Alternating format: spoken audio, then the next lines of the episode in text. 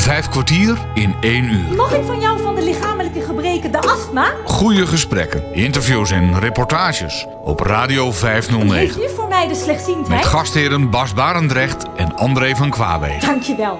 Hallo en wees weer welkom. Bas spreekt dit keer met Ashigul Karacha, actrice en maker, actief in film, tv en theater. Ze wil als theatermaker met nu al twee one-man shows op haar naam een bruggenbouwer zijn tussen de maatschappij en de mensen met een visuele beperking, waarbij deze mensen actief zijn in de culturele sector, zowel in het publiek als op het podium. En ze wil meer kansen creëren voor deze doelgroep. Haar missie is taboes doorbreken, onbesproken onderwerpen bespreekbaar maken, het inzichtelijk maken voor een ieder die dat niet kent en mensen gehoor en gezicht geven die dat wel kennen, om op die manier begrip met en voor elkaar te kweken. Ze doet dat met muziek en toneel. Deze slechtziende actrice en theatermaker leer je vandaag veel beter kennen. Ze studeerde in Rotterdam, woont nu in Amsterdam en werd geboren in Schiedam. Nou ja, Schiedam is een kleine stad. Ehm, ja, het was op dat moment denk ik wel mijn wereld. En op een gegeven moment dat ik dan tienermeisje werd en eh, wilde stappen en wilde shoppen, dan was Schiedam wel echt te klein. Die stad was ook te klein. Daar kon je als klein meisje, als jong meisje, kon je niet echt shoppen. Had je niet heel veel keus qua winkels. Dus wat er veel gebeurde, is dat jongeren vanuit Schiedam allemaal naar Rotterdam trokken. Om zowel te studeren, maar ook voor vrije tijd. En, ehm, Ging je ja. met de tram dan? Of Ja, nou, eh, toen, toen ik jong was, hadden we inmiddels wel de eh, metro. De metrolijn bestond al. Ja, Dus ik pakte dan de metro. Maar wat we ook wel deden, was eh, op de fiets. Want het is helemaal niet zo ver fietsen. Het is 20, 25 minuten en je staat in Hartje, Rotterdam. ja. Ja, Je zag toen ook al slecht of niet? ja ik ben eh, geboren met mijn visuele beperking. En wat is het voor een aandoening? Ik heb congenitale nystagmus. En eh, dat is in de volksmond aangeboren wiebelogen of Ja. trilogen. Dat heb ik ook met albinisme. Ook. Ja, ook nystagmus. Nystagmus, ja. Ja, nystagmus is inderdaad een onderdeel dan eh, van uw oogaandoening. Ja, ja, Ja. We doen het er maar mee. Ja. ja, joh, roeien met de riemen die je Maar hebt. het is wel hinderlijk natuurlijk. Het is heel vermoeiend. Dat is het vooral waar ik achter ben gekomen. Ik wist niet dat nystagmus zo vermoeiend was. Eh, maar nu ik zelf meer inzicht heb verkregen in mijn oogaandoening, merk ik wel inderdaad dat dat mij heel erg opbreekt.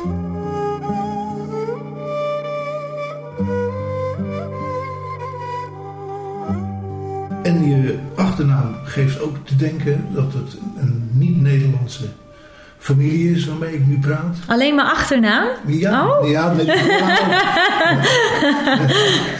Oké, ja. ja, nee, klopt. Ik, eh, ik heb een Turks culturele achtergrond. Mijn beide ouders zijn Turks. ja. Ja, En heb je nu dan ook te maken met wat er daar op het ogenblik speelt? zeker. Ja, Ja. dat laat me niet los. Nee, Eh, sinds gisteren ben ik daar eigenlijk heel erg mee bezig geweest met Ja. de enorme aardbeving.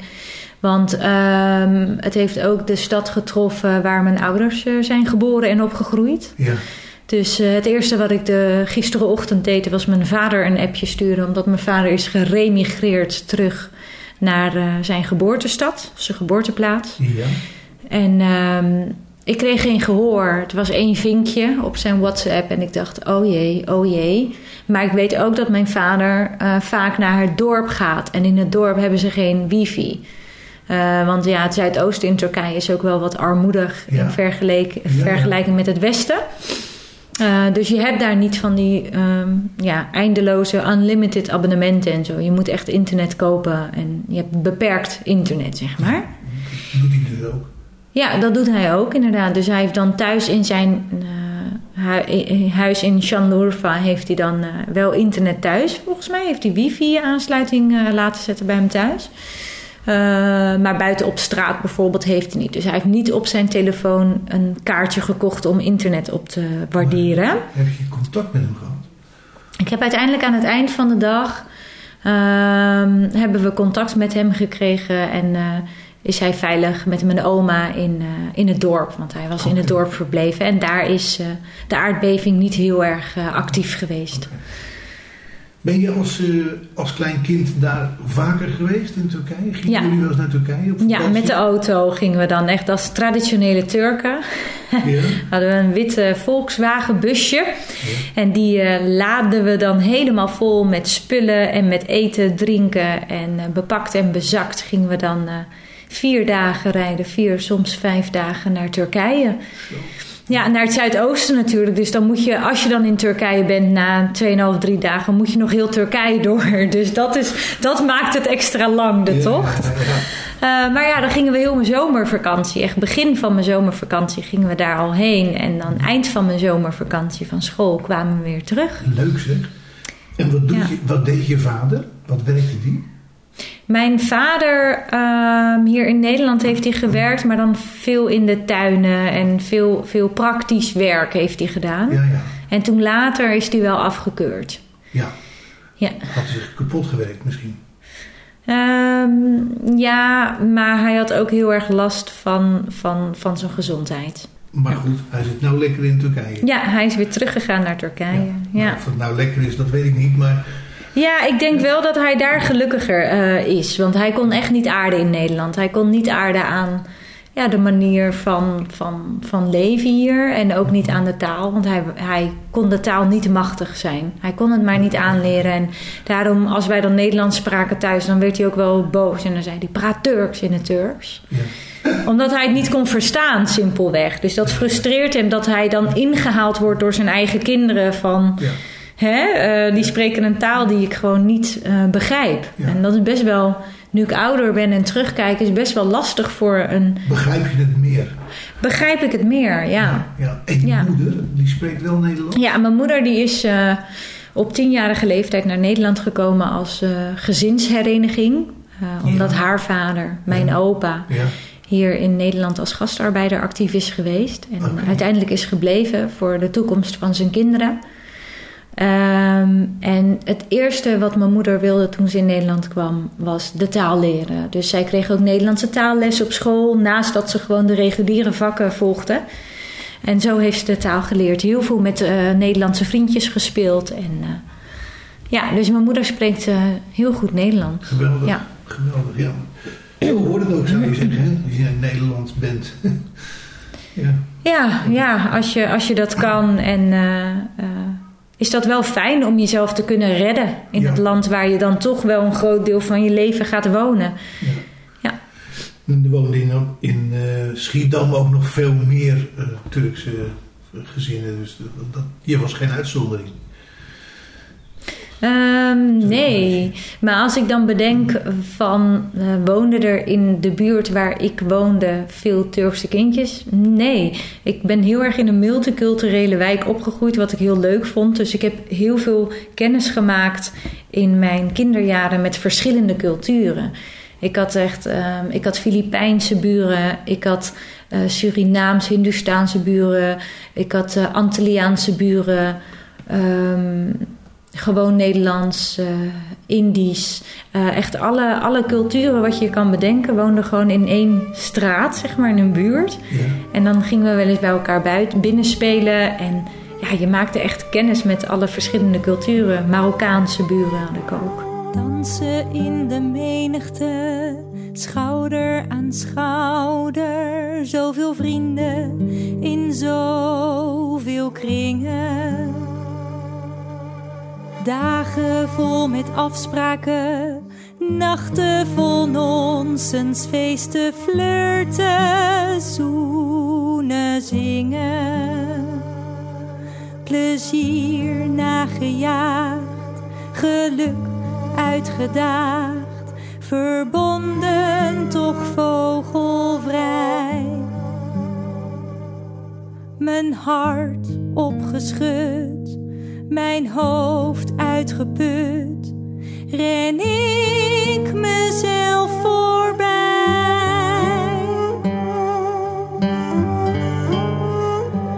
Eén voor allen, allen voor één is iets uit dromen. Geen mens gaat op in de groep. Steeds blijf ik mezelf tegenkomen. En ik dan wordt het menes. Dus waar moet ik heen? Nu samen, ook alleen is.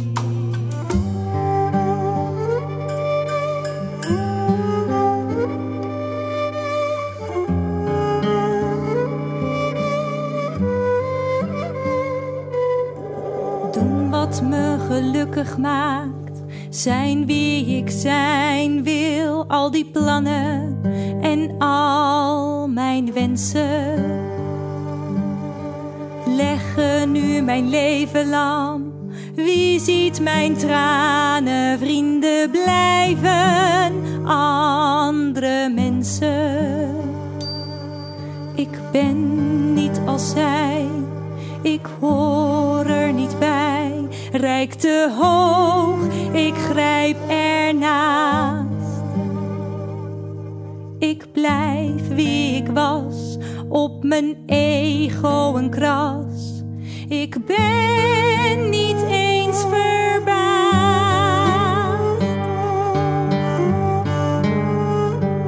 Eén voor allen, allen voor één is iets uit dromen. Geen mens gaat op in de groep. Steeds blijf ik mezelf tegenkomen.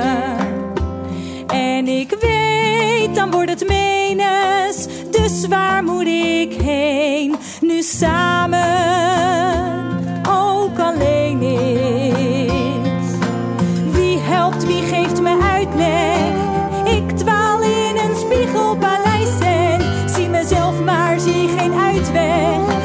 Mij de exit wijzen?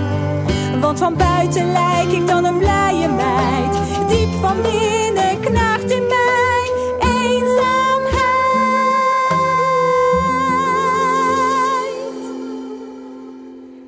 Eén voor allen, allen voor één is iets uit dromen. Samen is ook alleen van en door Ashigul Karatja. Bas Barendrecht spreekt vandaag met deze actrice en theatermaker. Wat ik altijd zo bijzonder vind, dat is als je in Rotterdam in de metro zit, s'avonds om een uur of tien.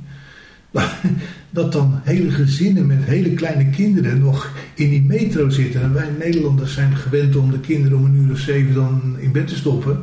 Maar dat, dat hebben ze in het buitenland ook niet. Nou ja, ik weet niet of dat, of dat echt te, uh, al geheel te zeggen in het buitenland niet.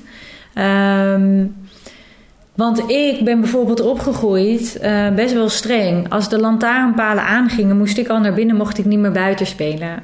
Um, als ik naar binnen werd geroepen voor het avondeten, wist ik na het avondeten mag ik niet meer buiten spelen. Want dan ja. mag ik nog heel eventjes opblijven en dan moet ik naar bed. Ja. Uh, dus het heeft denk ik ook mee te maken met uh, ja, de grenzen die je stelt als ouders zijnde. Okay. En, dus het, het, is denk ik niet zozeer het buitenland, want ik... Uh, ik zie ook nu tegenwoordig ook uh, Nederlandse kindjes, hè? gewoon uh, heel laat buiten. Dat ik denk, moet jij niet naar binnen al, naar bed? Want morgen moet je gewoon naar school. Ja, ja. ja maar ze hoeven helemaal niet meer thuis te eten, s ochtends nu. Dus, dus, ja. Dat doen ze ook, ja, nou ja. Vreselijk, ja. Dat is weer een ander verhaal, maar ja.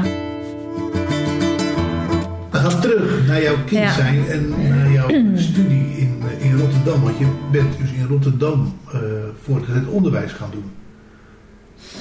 Voortgezet onderwijs heb ik nog in Schiedam gedaan. Oké. Okay. Ja, ik ben in uh, Rotterdam gaan studeren op de universiteit. Oké. Okay. En wat ja. heb je daar gestudeerd? Um, ik heb twee studies gedaan. Uh, logopedie en algemene cultuurwetenschappen. Oké. Okay. Ja. En gingen die twee allebei even goed? Of? Um, ja, zeker. Ja, de logopedie. Um, ik had dat toen een jaartje gedaan. Had ik mijn uh, propeduizen behaald. En ik voelde me daar helemaal niet op mijn plek. Tussen de studenten en als persoonlijk, uh, met mijn persoonlijkheid. Ik dacht, dit is eigenlijk helemaal niet waar ik hoor te zijn. En ik kreeg vaak ook op de opleiding te horen van... Uh, je bent te overenthousiast, je hebt geen logopedische houding, je bent te theatraal. En toen dacht ik, ja, ik wilde eigenlijk ook heel graag naar de toneelacademie. Maar ja, dat mocht niet. Daarom zit ik hier. Van wie mocht dat ja, van thuis. Oh, oké. Okay, ja. ja, het is te onzeker. Ja, en uh, zeer lage baangarantie. En uh, ga maar gewoon een vak leren. Dan heb je in ieder geval iets uh, achter de hand. Uh, ja, toen dacht ik, nou, dan wil ik toch iets achter de schermen doen misschien. Want dat heeft iets meer baangarantie. Maar dan ben ik toch wel in de culturele sector. En ik dacht, nou, dan word ik logopedist in het theater. En toen in mijn eerste jaar van de studie eh, werd dat als eerste wegbezuinigd. Want we zaten weer in een crisis. Dan hebben we het over 2008. Ja. Ja, Ja. 7, 8. Dus alle logopedisten, boventallig, allemaal eruit. Weet je wel? Dus de vrij gevestigde praktijken bleven dan over. En toen dacht ik, oh, maar ja, dat was de reden waarom ik deze studie deed. Om in het theater te werken, maar dan achter de schermen. En dan ook nog eens, zeg maar, dat je gewoon niet past bij, tussen de studenten. Dat je je echt een vreemde eend in de bijt voelt. Maakte dat ik na het behalen van mijn propenduizen algemene cultuurwetenschappen ging proberen. En toen, ehm, ja, toen deed ik dat. En eh, dat was echt veel te theoretisch. Alleen maar essays schrijven, eh, literatuur, eh, onderzoeken, thesis analyseren. eh, pff, noem maar op. En ik dacht, ja, ik vind dit eigenlijk helemaal niet leuk. Ja, Ik, de praktijk in. nou, en en. Kijk, ik hou heel erg van theorie eh, hè, ehm, tot me nemen. Maar dan wil ik van die theorie wil ik het ook direct toepassen om de effecten daarvan te zien. Van werkt het echt? Hè? Ehm, en dat kon niet. Ehm, want je moest alleen, het is echt alleen maar theorie. En toen eh, heb ik uiteindelijk besloten om daarmee te stoppen. Ik dacht, nou, dit, dit is het ook niet helemaal. Ehm, het, heeft met, het heeft wel met kunst en cultuur te maken. Ik had ook kunstgeschiedenis gehad, sociologie, dat soort vakken. En dat vond ik maar wat interessant. Maar ik dacht, nou, maar op de manier hoe ik hiermee dan zou moeten werken in het werkveld, dat, dat, dat, dat ben ik ook niet helemaal. En toen dacht ik wel, joh, ik weet eigenlijk diep van binnen al wat ik wil, maar ik mag dat niet doen. Maar ik moet dan nu zo snel mogelijk een studie afronden, want dat is mijn ticket naar de vrijheid. Ja. Van als ik een diploma heb, dan mag ik gaan en staan waar ik wil. En toen dacht ik, nou, de short way is eh, terug naar de logopedie en dat afmaken. Want om nou nu nog een nieuwe studie te beginnen, ben ik alleen maar langer bezig. En toen heb- ben ik eh, met hangende poten teruggegaan naar de opleiding en gezegd: Mag ik nog terugkomen? En dat mocht ik gelukkig. En eh, toen heb ik het wel afgemaakt. En hoe oud was je toen? Ik was 22 toen ik afgestudeerd was. Ik, ik, ik heb het echt aan één adem heb ik het gedaan allemaal. Geen tussenjaar genomen. Ik ben gewoon gelijk na de basisschool, middelbare, middelbare eh, WO. En eh, ja, achter elkaar doorgegaan. Ik ben bang voor het monster in het duister, mama. Bang om mijn eigen stem te horen, dus ik fluister, mama. Ik ben je dochter, maar je zegt het is niet genoeg, meisje. Je bent te zwak, je bent kapot met veel ellende voor de boeg. En daarom durf ik niet te dromen over later. Ik zwijg maar zingen wil ik, mama, in theater. Toch ben ik bang om te vallen en te breken. Bang om te zien hoe ik door jou word bekeken. Bang om dromen na te jagen, bang om ruimte op te vragen. Bang een last te zijn voor jou door zelf mijn lot te willen dragen. Bang voor je angst, bang voor je pijn. Bang om in jouw ogen een teleurstelling te zijn. Voor jouw kussen ben ik bang, voor jouw troosten ben ik bang. Ik wil vliegen, maar jouw liefde houdt mijn vleugels in bedwang. Bang voor het monster onder het bed. Jaag jij die weg, mama, of ben jij het? Laat me gaan,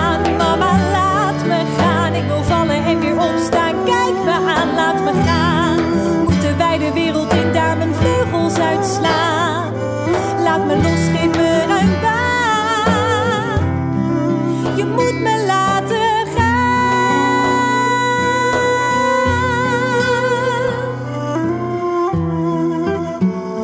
Dat was vroeger, maar nu is nu.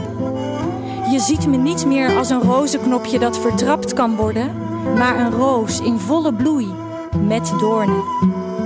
Je bent trots op me ik op jou, mama. Dat je me durft los te laten, me op mijn bek laat gaan en dan niet zegt: Ik zei het toch, maar me troost, moed inspreekt, in me gelooft. Je hebt me laten gaan en nu ben ik onderweg. Maar toch. In mijn hoofd zit een andere moeder die vanuit de schaduw van vroeger tegen me praat met jouw stem. Maar ik weet wie het is. Ik weet wie het is.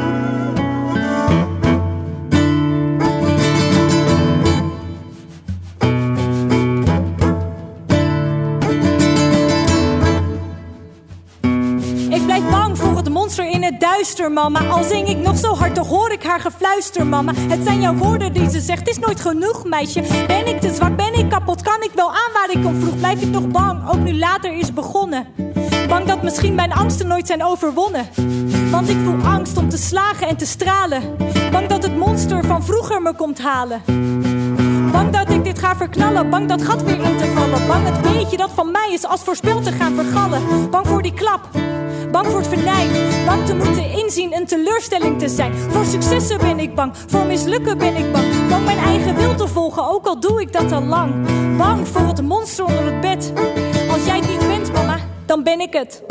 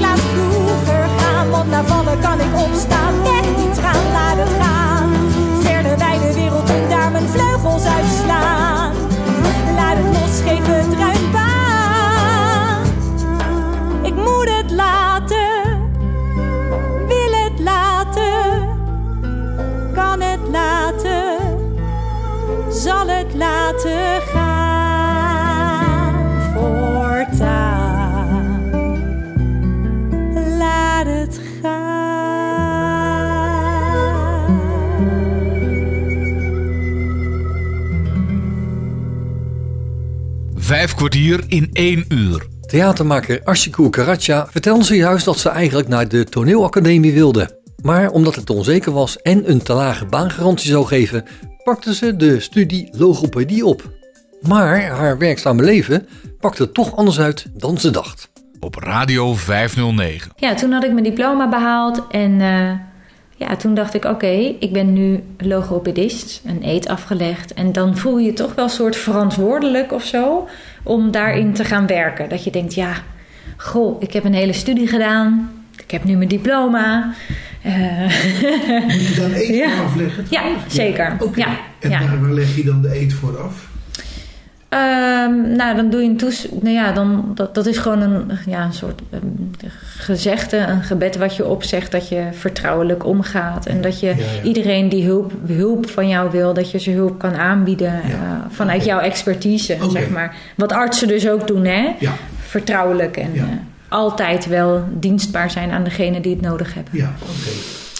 Ehm, ja, dus ik ging solliciteren en eh, gesprekken gevoerd. En toen merkte ik op een gegeven moment dat ik een sollicitatieronde niet verder kwam. En dat kwam niet door mijn kunde, want dat was echt wel bovengemiddeld. Alleen dat kwam door mijn visuele beperking.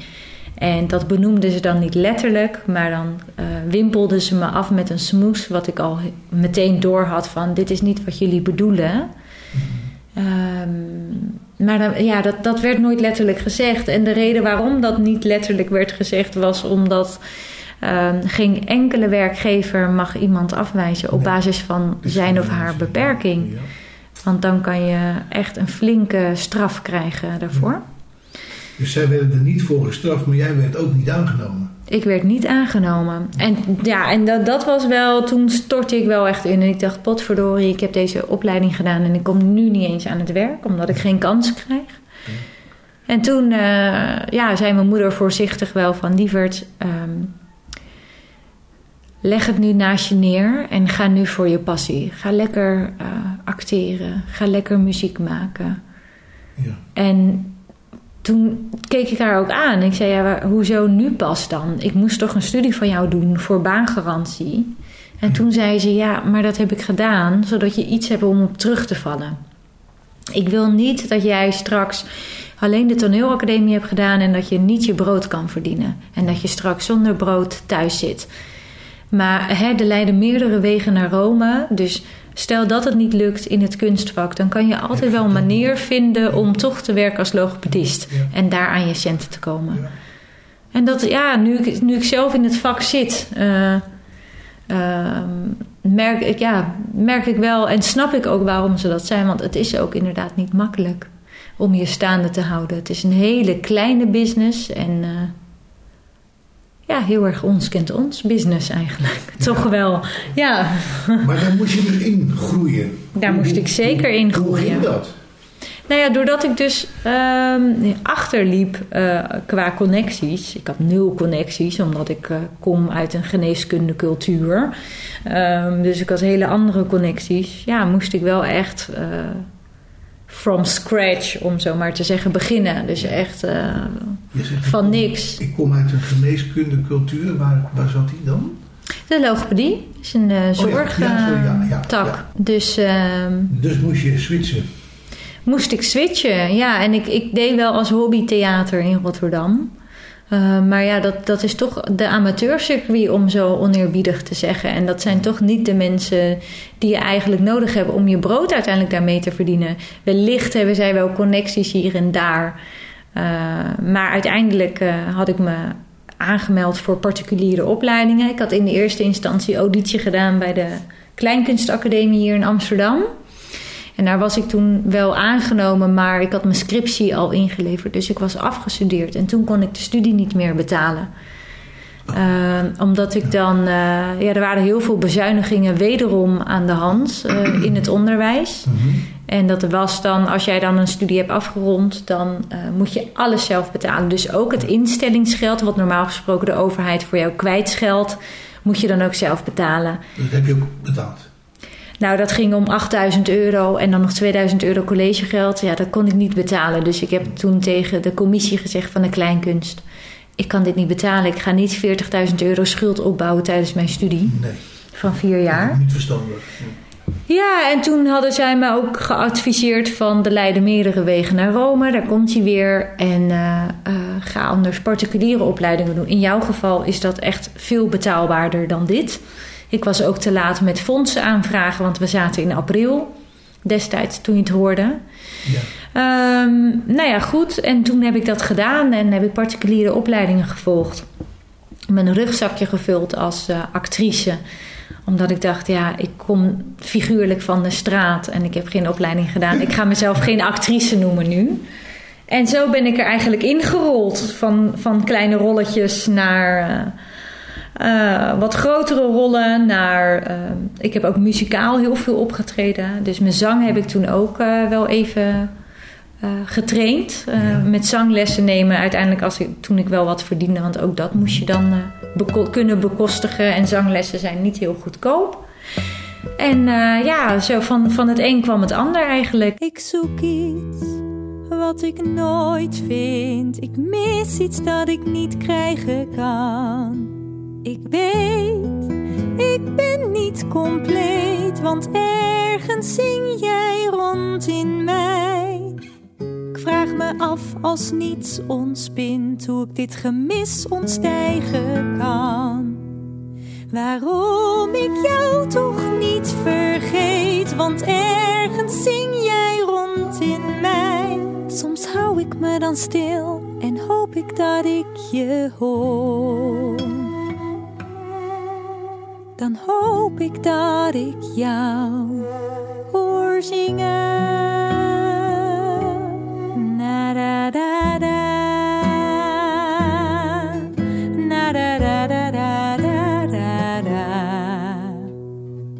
Ik werd iemand zonder jou, heb geleerd alleen mijn weg te gaan. Ik heb jou nooit gekend, maar ergens zing jij rond in mij. Dat ik van mijn leven hou, dat ik zonder ook mag bestaan. Is een feit dat nooit echt wendt, want ergens zing jij rond in mij. Soms hou ik me dan stil en hoop ik dat ik je hoor dan hoop ik dat ik jou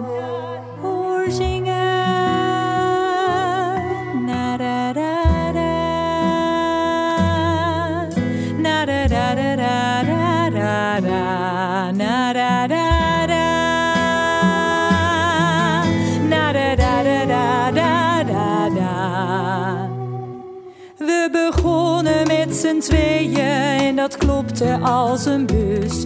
We begonnen met z'n tweeën. We begonnen met z'n tweeën, ik en jij, mijn tweelingzus. We begonnen met z'n tweeën. We begonnen met z'n tweeën, zo hard is dit leven dus. We begonnen met z'n tweeën. Ik ging verder in mijn eentje zonder zielsverwant en zus. Maar we begonnen met z'n tweeën. Na da da da.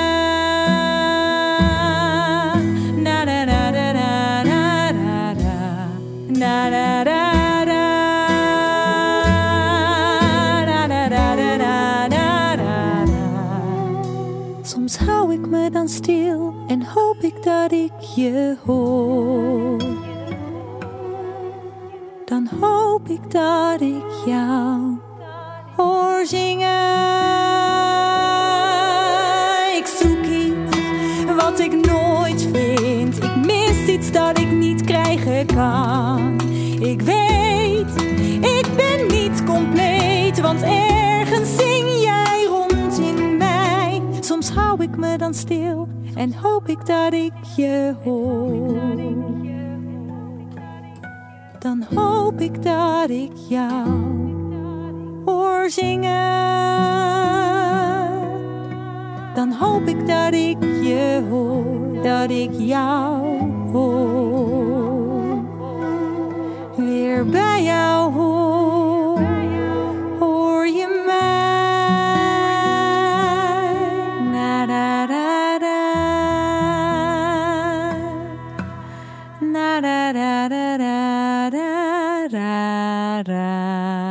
Ik ben toen vanaf 2018 zelf gaan maken, theatervoorstellingen maken, toeren. Ook. Ja, maar wel met een team. Ik heb niet zelfstandig eh, echt eh, alles zelf gedaan. Ik heb wel een toneelschrijver eh, erbij gehad, een regisseur, een decorontwerper, een kostuumontwerper, lichtontwerper. Dus wel echt een heel team. Best wel luxe eigenlijk als beginnende maker. Ja. ja. Ja, is dat zo? Ja. Ja, vind ik wel. Vind ik wel. En zeker als nog geen gevestigde kunstenaar, dus geen gevestigde art, ja, Artiest. artiest, is het best wel lastig om dan ineens zo'n team met vakmensen bij elkaar te verzamelen die echt in jouw idee geloven en met jou willen gaan werken. Ja. Het is best wel onzeker van ja, maar hoe vaak gaat ze dan spelen? En gaat ze dan wel voor volle zalen spelen? Want niemand kent haar nog. En ja, Nou, laten we daar eens naartoe gaan dan. Eh, ja, want ik, ik, ik weet helemaal niet hoe dat, hoe dat ontstaat. Dus misschien kunnen we bij het begin beginnen. Je hebt, het, je hebt het, begin bij het hebben van een idee, denk ik. Want dat moet je toch hebben. Ja, ja.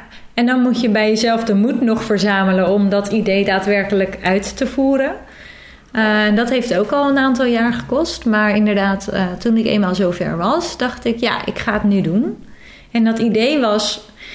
Ik, ik zat al. ehm, ik ben eigenlijk heel laat begonnen in de kunstsector als professional. Ik ben echt in 2017, kreeg ik mijn KVK, had ik aangevraagd en toen ben ik begonnen. En toen zat ik een jaar in het vak met alle borrels en alle tierenlantijnen die erbij kwamen. Ja, ja. En ik, eh, dat ongemak wat ik ook ervoer op de logopedieopleiding, die, die, die, die, die, eh, die kwam weer terug. En dat ongemak ontstond omdat iedereen zo zijn standje probeerde op te houden. Zo deed alsof hij het zo goed had. En, en kijk mij is en allemaal haantjesgedrag. En, Ja, ja. eh, en ik dacht alleen maar, hoezo? Het leven is echt geen roze geur en maneschijn. Elk huisje heeft een kruisje. Waarom hebben we het daar niet over? Waarom sta je hier met je glas wijn leuk te vertellen wat voor, wat voor series je gaat doen, wat voor theatervoorstellingen, bla bla bla.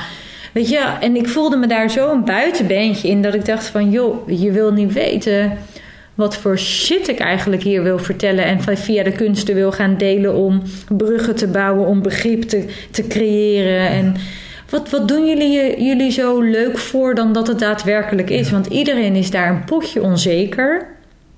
Maar dat gaan ze dan heel geforceerd onderdrukken door te doen hoe leuk ze zijn of zo. Of hoe leuk gevonden ze willen worden. Het is heel. eh, dus ik had heel vaak. En daarnaast ben je dan ook slechtziend. En dan sta je bij zo'n staattafel. En ik had nul connecties. En ik dacht, ja, ik zie alleen maar vlekken. En ik zie lichten door elkaar heen gaan. En ja, ik, ik weet inderdaad de regisseur van het stuk. Ik heb mijn huiswerk gedaan. Ik heb het gegoogeld. En ik heb zijn foto gezien. Maar ja, ga die maar hier herkennen als je niet eens gezichten kan waarnemen. Dus beperking hoor.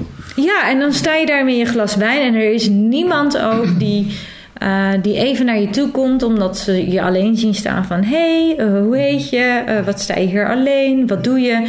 Want iedereen is zo geforceerd met zichzelf bezig om zijn eigen standje op te houden. Ja, toch word je Ehm, dan de rest. Nou, op dat moment niet hoor. Want ik voelde me zo rot. En dat ik gewoon mijn halve glas wijn heb laten staan. Ik ben gewoon met mijn staart tussen mijn benen naar huis gegaan. En toen dacht ik wel van, is dit het dan? Gaat, dit gaat je misschien toch echt niet lukken. Misschien hebben je ouders toch wel gelijk gehad. En moet je toch gewoon iets anders doen. En hoe kwam je daaruit? Omdat ik, nou ja, na, die, na, na dat, dat hele interne monoloog eh, ging ik mezelf de vraag stellen: ja, maar wat dan? Wat dan? Wat, wat, wat wil ik nou? En toen kwam ik echt van: ik wil verhalen vertellen. Ik wil gewoon mensen wakker schudden. Ik wil taboes doorbreken. Waarom hebben we het er niet over? Waarom sta ik in de schouwburg met mijn wijntje en doet iedereen alsof het zo leuk is en alsof iedereen het zo goed heeft? Waarom hebben we het daar niet over, over jouw kwetsbare kanten? Waarom durven we onze kwetsbaarheid niet te laten Ja, zien? Dat is het punt. En toen dacht ik, nou weet je wat? Ik ben hier zo klaar mee, want ik ben, ik ben een hele slechte actrice in mijn echte leven. Ik ga dit wel doen. Ik, ik neem het voortouw.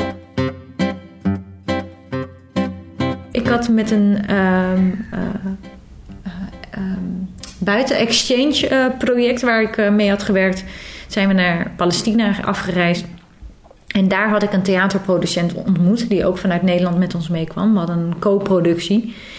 En eh, hij zei ook, en, daar had ik al in Palestina, in onze kamer, had ik al gesprekken met hem. En ik had al eh, door laten schemeren van, joh, ik wil eigenlijk een eigen voorstelling maken. Ik wil gewoon zelf bepalen wat de inhoud is. Ik wil meer kwetsbaarheid eh, krijgen in de culturele sector, maar ook van uitvoerende kunstenaars. Ja. Ehm, en toen zei hij: Weet je, denk goed na wat je wil, hoe je het wil, de vorm. En neem dan nog eens contact met me op. Dus een jaar na dato, een jaar, anderhalf, eh, pakte ik mijn telefoon en toen belde ik hem. Zei: Hoi, eh, je, met de weet je nog? Ja, natuurlijk weet ik dat. Hoe gaat het? En hij was zo enthousiast. Ik zei: Nou, het is zover. Zou je het leuk vinden om met mij een koffie te drinken? En, nou, die dag daarna hadden we direct een afspraak. Hij zegt: Ik maak tijd voor jou. Kom, we gaan samen zitten. En toen heb ik hem verteld: van joh, ik heb dit idee. Ik wil het daar en daar over hebben. Eh, mijn, mijn missie is taboes doorbreken. Ehm, onbesproken onderwerpen bespreekbaar maken. Ehm, het inzichtelijk maken voor de mensen die dat niet kennen. Ehm, mensen gehoor en gezicht te geven die dat wel kennen. Om op die manier bruggen met elkaar te bouwen. En ik wil dat in vorm van muziek en, en toneel. En toen zei hij, ja, weet je, helemaal goed. En toen zei ik, ja, ik moet nu wel eigenlijk subsidies en fondsen aanvragen. En hoe doe ik dat? En toen zei hij, nou, dat is mijn werk. En ik vind jou, ja, hij zei, dat zei hij echt van, dat is mijn werk. En ik vind jouw idee zo interessant en dat past heel goed bij mijn bedrijf. Dus als je het goed vindt, wil ik voor jou de productie doen. En wat had hij voor een bedrijf? Ehm, hij is van Storytelling Center Amsterdam. Ehm, ook wel Bureau Barel. Daar is hij ook wel bekend. En hij doet heel veel theaterproducties eh, produceren. Dus dat deed hij al. eh, Ja, eh, dus dat is echt, echt zijn werk. Ja. En hij zei: Nee, ik, ik doe dat al vaker voor allemaal jonge, nieuwe, talentvolle makers. Dus ik wil jou ook onder mijn hoede nemen.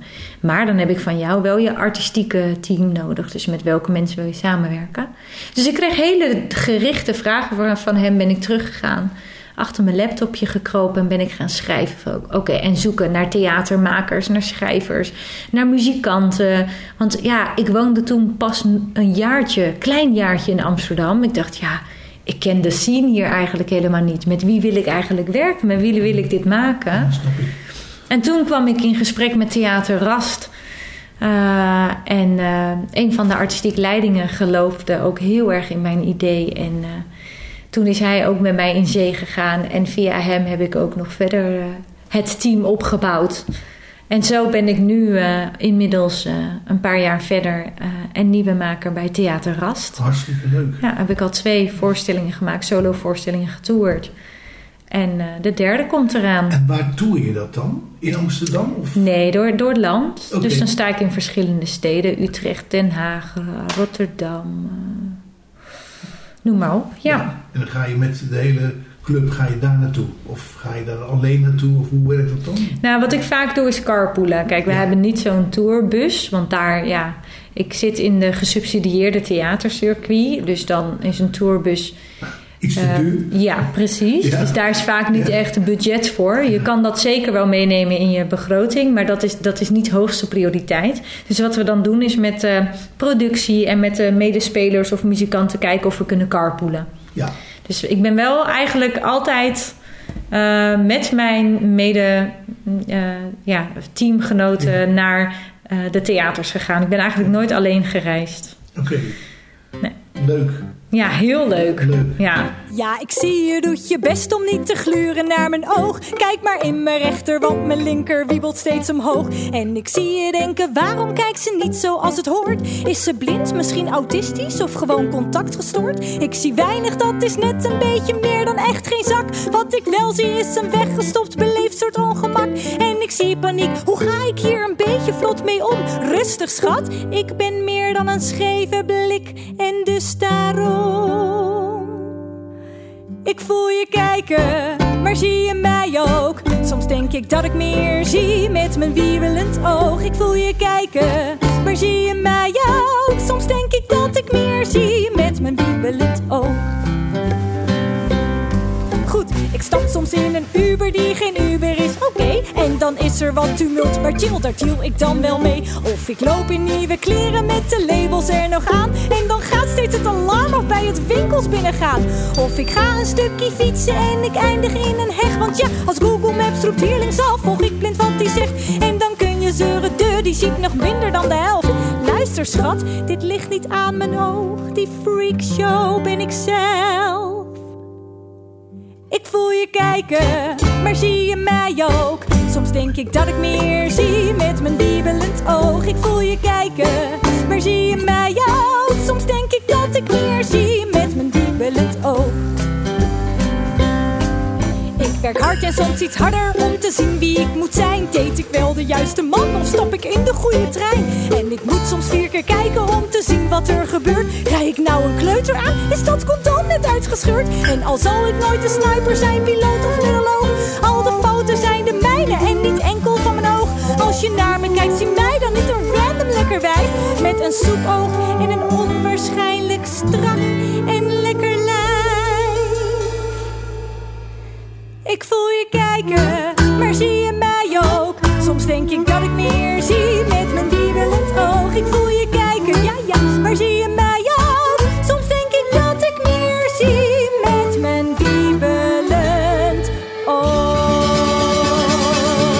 De zang en muziek die je vandaag hoorde zijn afkomstig uit de voorstelling Ogentroost van Archegul Karatja.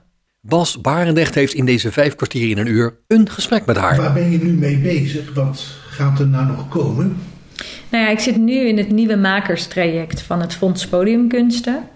Ehm, en dat houdt in dat je voor jezelf een traject mag uitstippelen hoe jij je verder zou willen ontwikkelen als nieuwe, jonge, gevestigde theatermaker. Ehm, en, daar, en dan kan je een aanvraag doen en daar krijg je dan dat pot geld voor. Nou, die heb ik gekregen. Dus wat maakt dat ik dan een blok heb dat ik mezelf ga ontwikkelen. Dus op persoonlijk niveau. Dus wat meer spellessen wil nemen voor verdieping. Ehm, een onderzoeksruimte. dus eh, eh, dat ik dan eh, met theatermakers in gesprek wil gaan.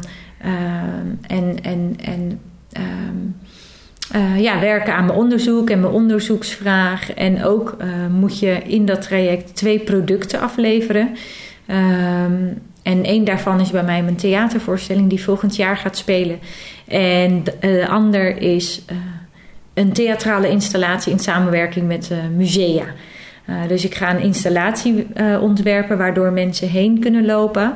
Maar wat me heel vaak opvalt, is dat in musea de installaties vaak op zichzelf staand zijn. Dus ze vertellen geen verhaal. Het is gewoon lopen doorheen en dan kan je dingen, dingen zien, dingen ervaren en that's it. Mm-hmm. Maar mijn idee. Uh, en voortvloeiend uit mijn onderzoek is ook dat ik daaraan een theatraal verhaal koppel. Dus dat mensen echt een, een beleving krijgen met een verhaal. En waarbij de verhaal.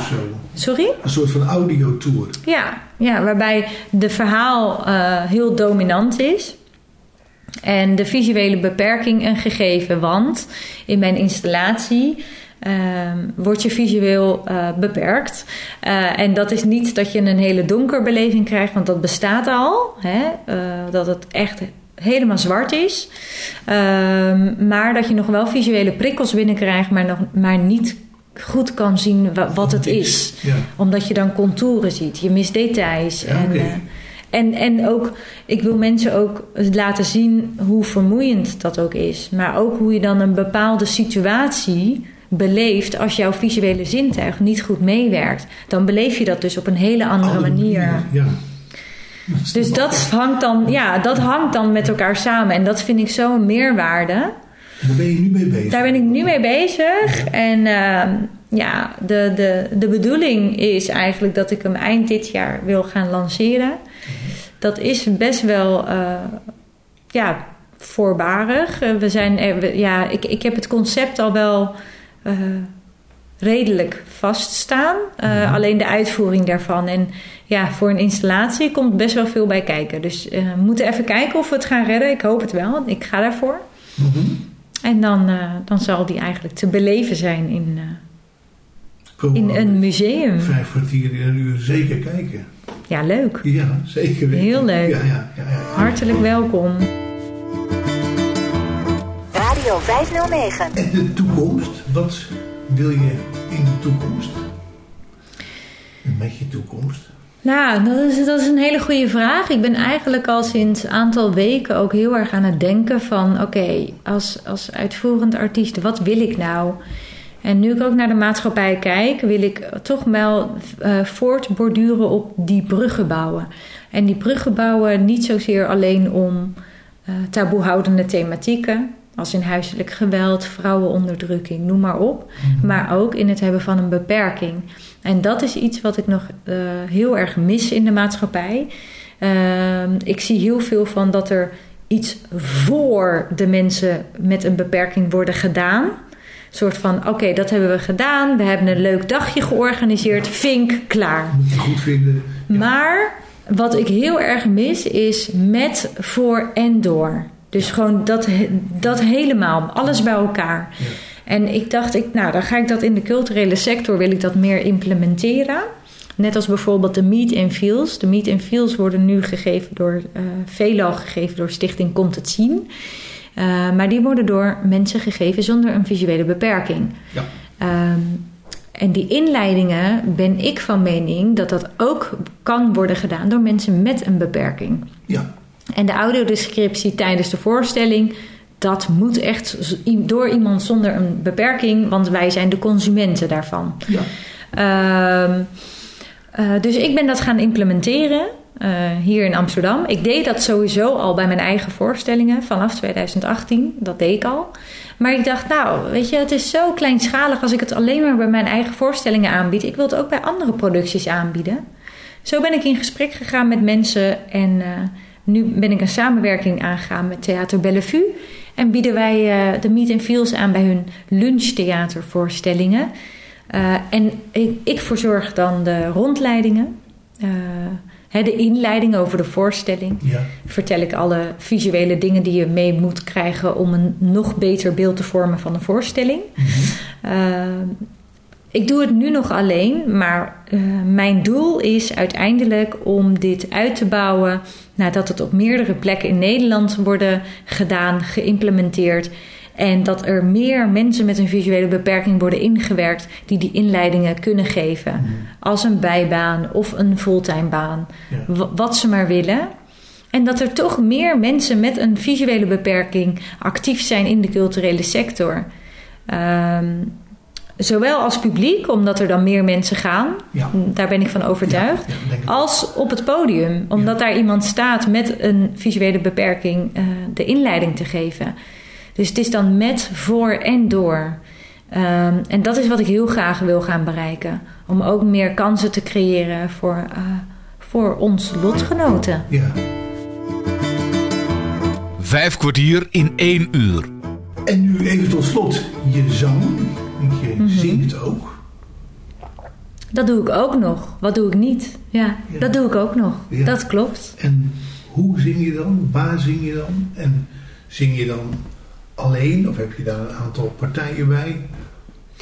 Ehm, het verschilt. Ik heb zeker ook wel samen gezongen met theatrale concerten. Maar de liedjes die ik maak, kan je een beetje zien in de hoek van kleinkunst. Ja. Ehm, want ik vind eh, less is more. En bij mij is het heel erg belangrijk in een lied om je boodschap te vertellen. Ehm, middels poëzie en, en ook melodie. Ehm, dus ik zing het uh, alleen, uh, mijn liedjes. Ik heb uh, vijftal nummers gemaakt voor Ogentroost. Mijn laatste programma waarmee ik heb getoerd. Dat heet Ogentroost? Ja, ja. Ogentroost. Ja, daarmee heb ik getoerd. Een theatervoorstelling. En de liedjes staan tevens ook op Spotify. Dus als mensen hem willen beluisteren, dan kunnen ze dat onder mijn naam zoeken. Of ja, de titels van de nummers eigenlijk. Ja. En hoe uh, is de belangstelling daarvoor? Hoe was het in het theater? Ja, het, het, was, ik heb daar heel erg veel complimenten op gehad. Want de thematieken die ik behandel en de teksten, die zijn best wel ongecensureerd. Ik ben heel erg van uh, hè, mensen spiegels voorhouden en um, onge, ja, ongefilterd. No filter en dit is hoe het is. Ja. Dus echt de confrontatie aangaan. Ja. Uh, en dat kan best wel pittig zijn, de thematieken die ik behandel. Um, voor de mensen die het hebben meegemaakt, kan dat heel heftig zijn. En voor de mensen die het niet hebben meegemaakt, idem. Omdat ze denken: wow, wat, wat heeft zij allemaal meegemaakt en hoe kan het? Ja. Maar na afloop van de voorstelling heb ik echt mensen om mijn hals gekregen van: joh, ik vind het echt goed dat je dit doet. En ook vol emotie van: wauw, echt knap dat je dit doet. Mhm. Ik moest daar en daar denken. En eindelijk wordt het verteld. En uh, eindelijk is er gehoor. En uh, ja, dus echt wel. En de liedjes ook van joh. Ik heb mensen gehad die zeggen: joh, ik heb je liedje net beluisterd. Die, die mij dan een berichtje sturen via social media. Ik heb je liedje net beluisterd en ik moest zo een potje janken. Het leek net of dit voor mij geschreven was, of dit Ja. mijn verhaal was. Ja.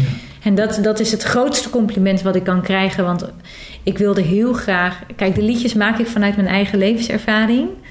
Uh, maar ik wilde ze zo maken dat de liedjes ook een eigen leven kunnen leiden. Dat Ja. iedereen iets voor zichzelf eruit kan halen. Ja.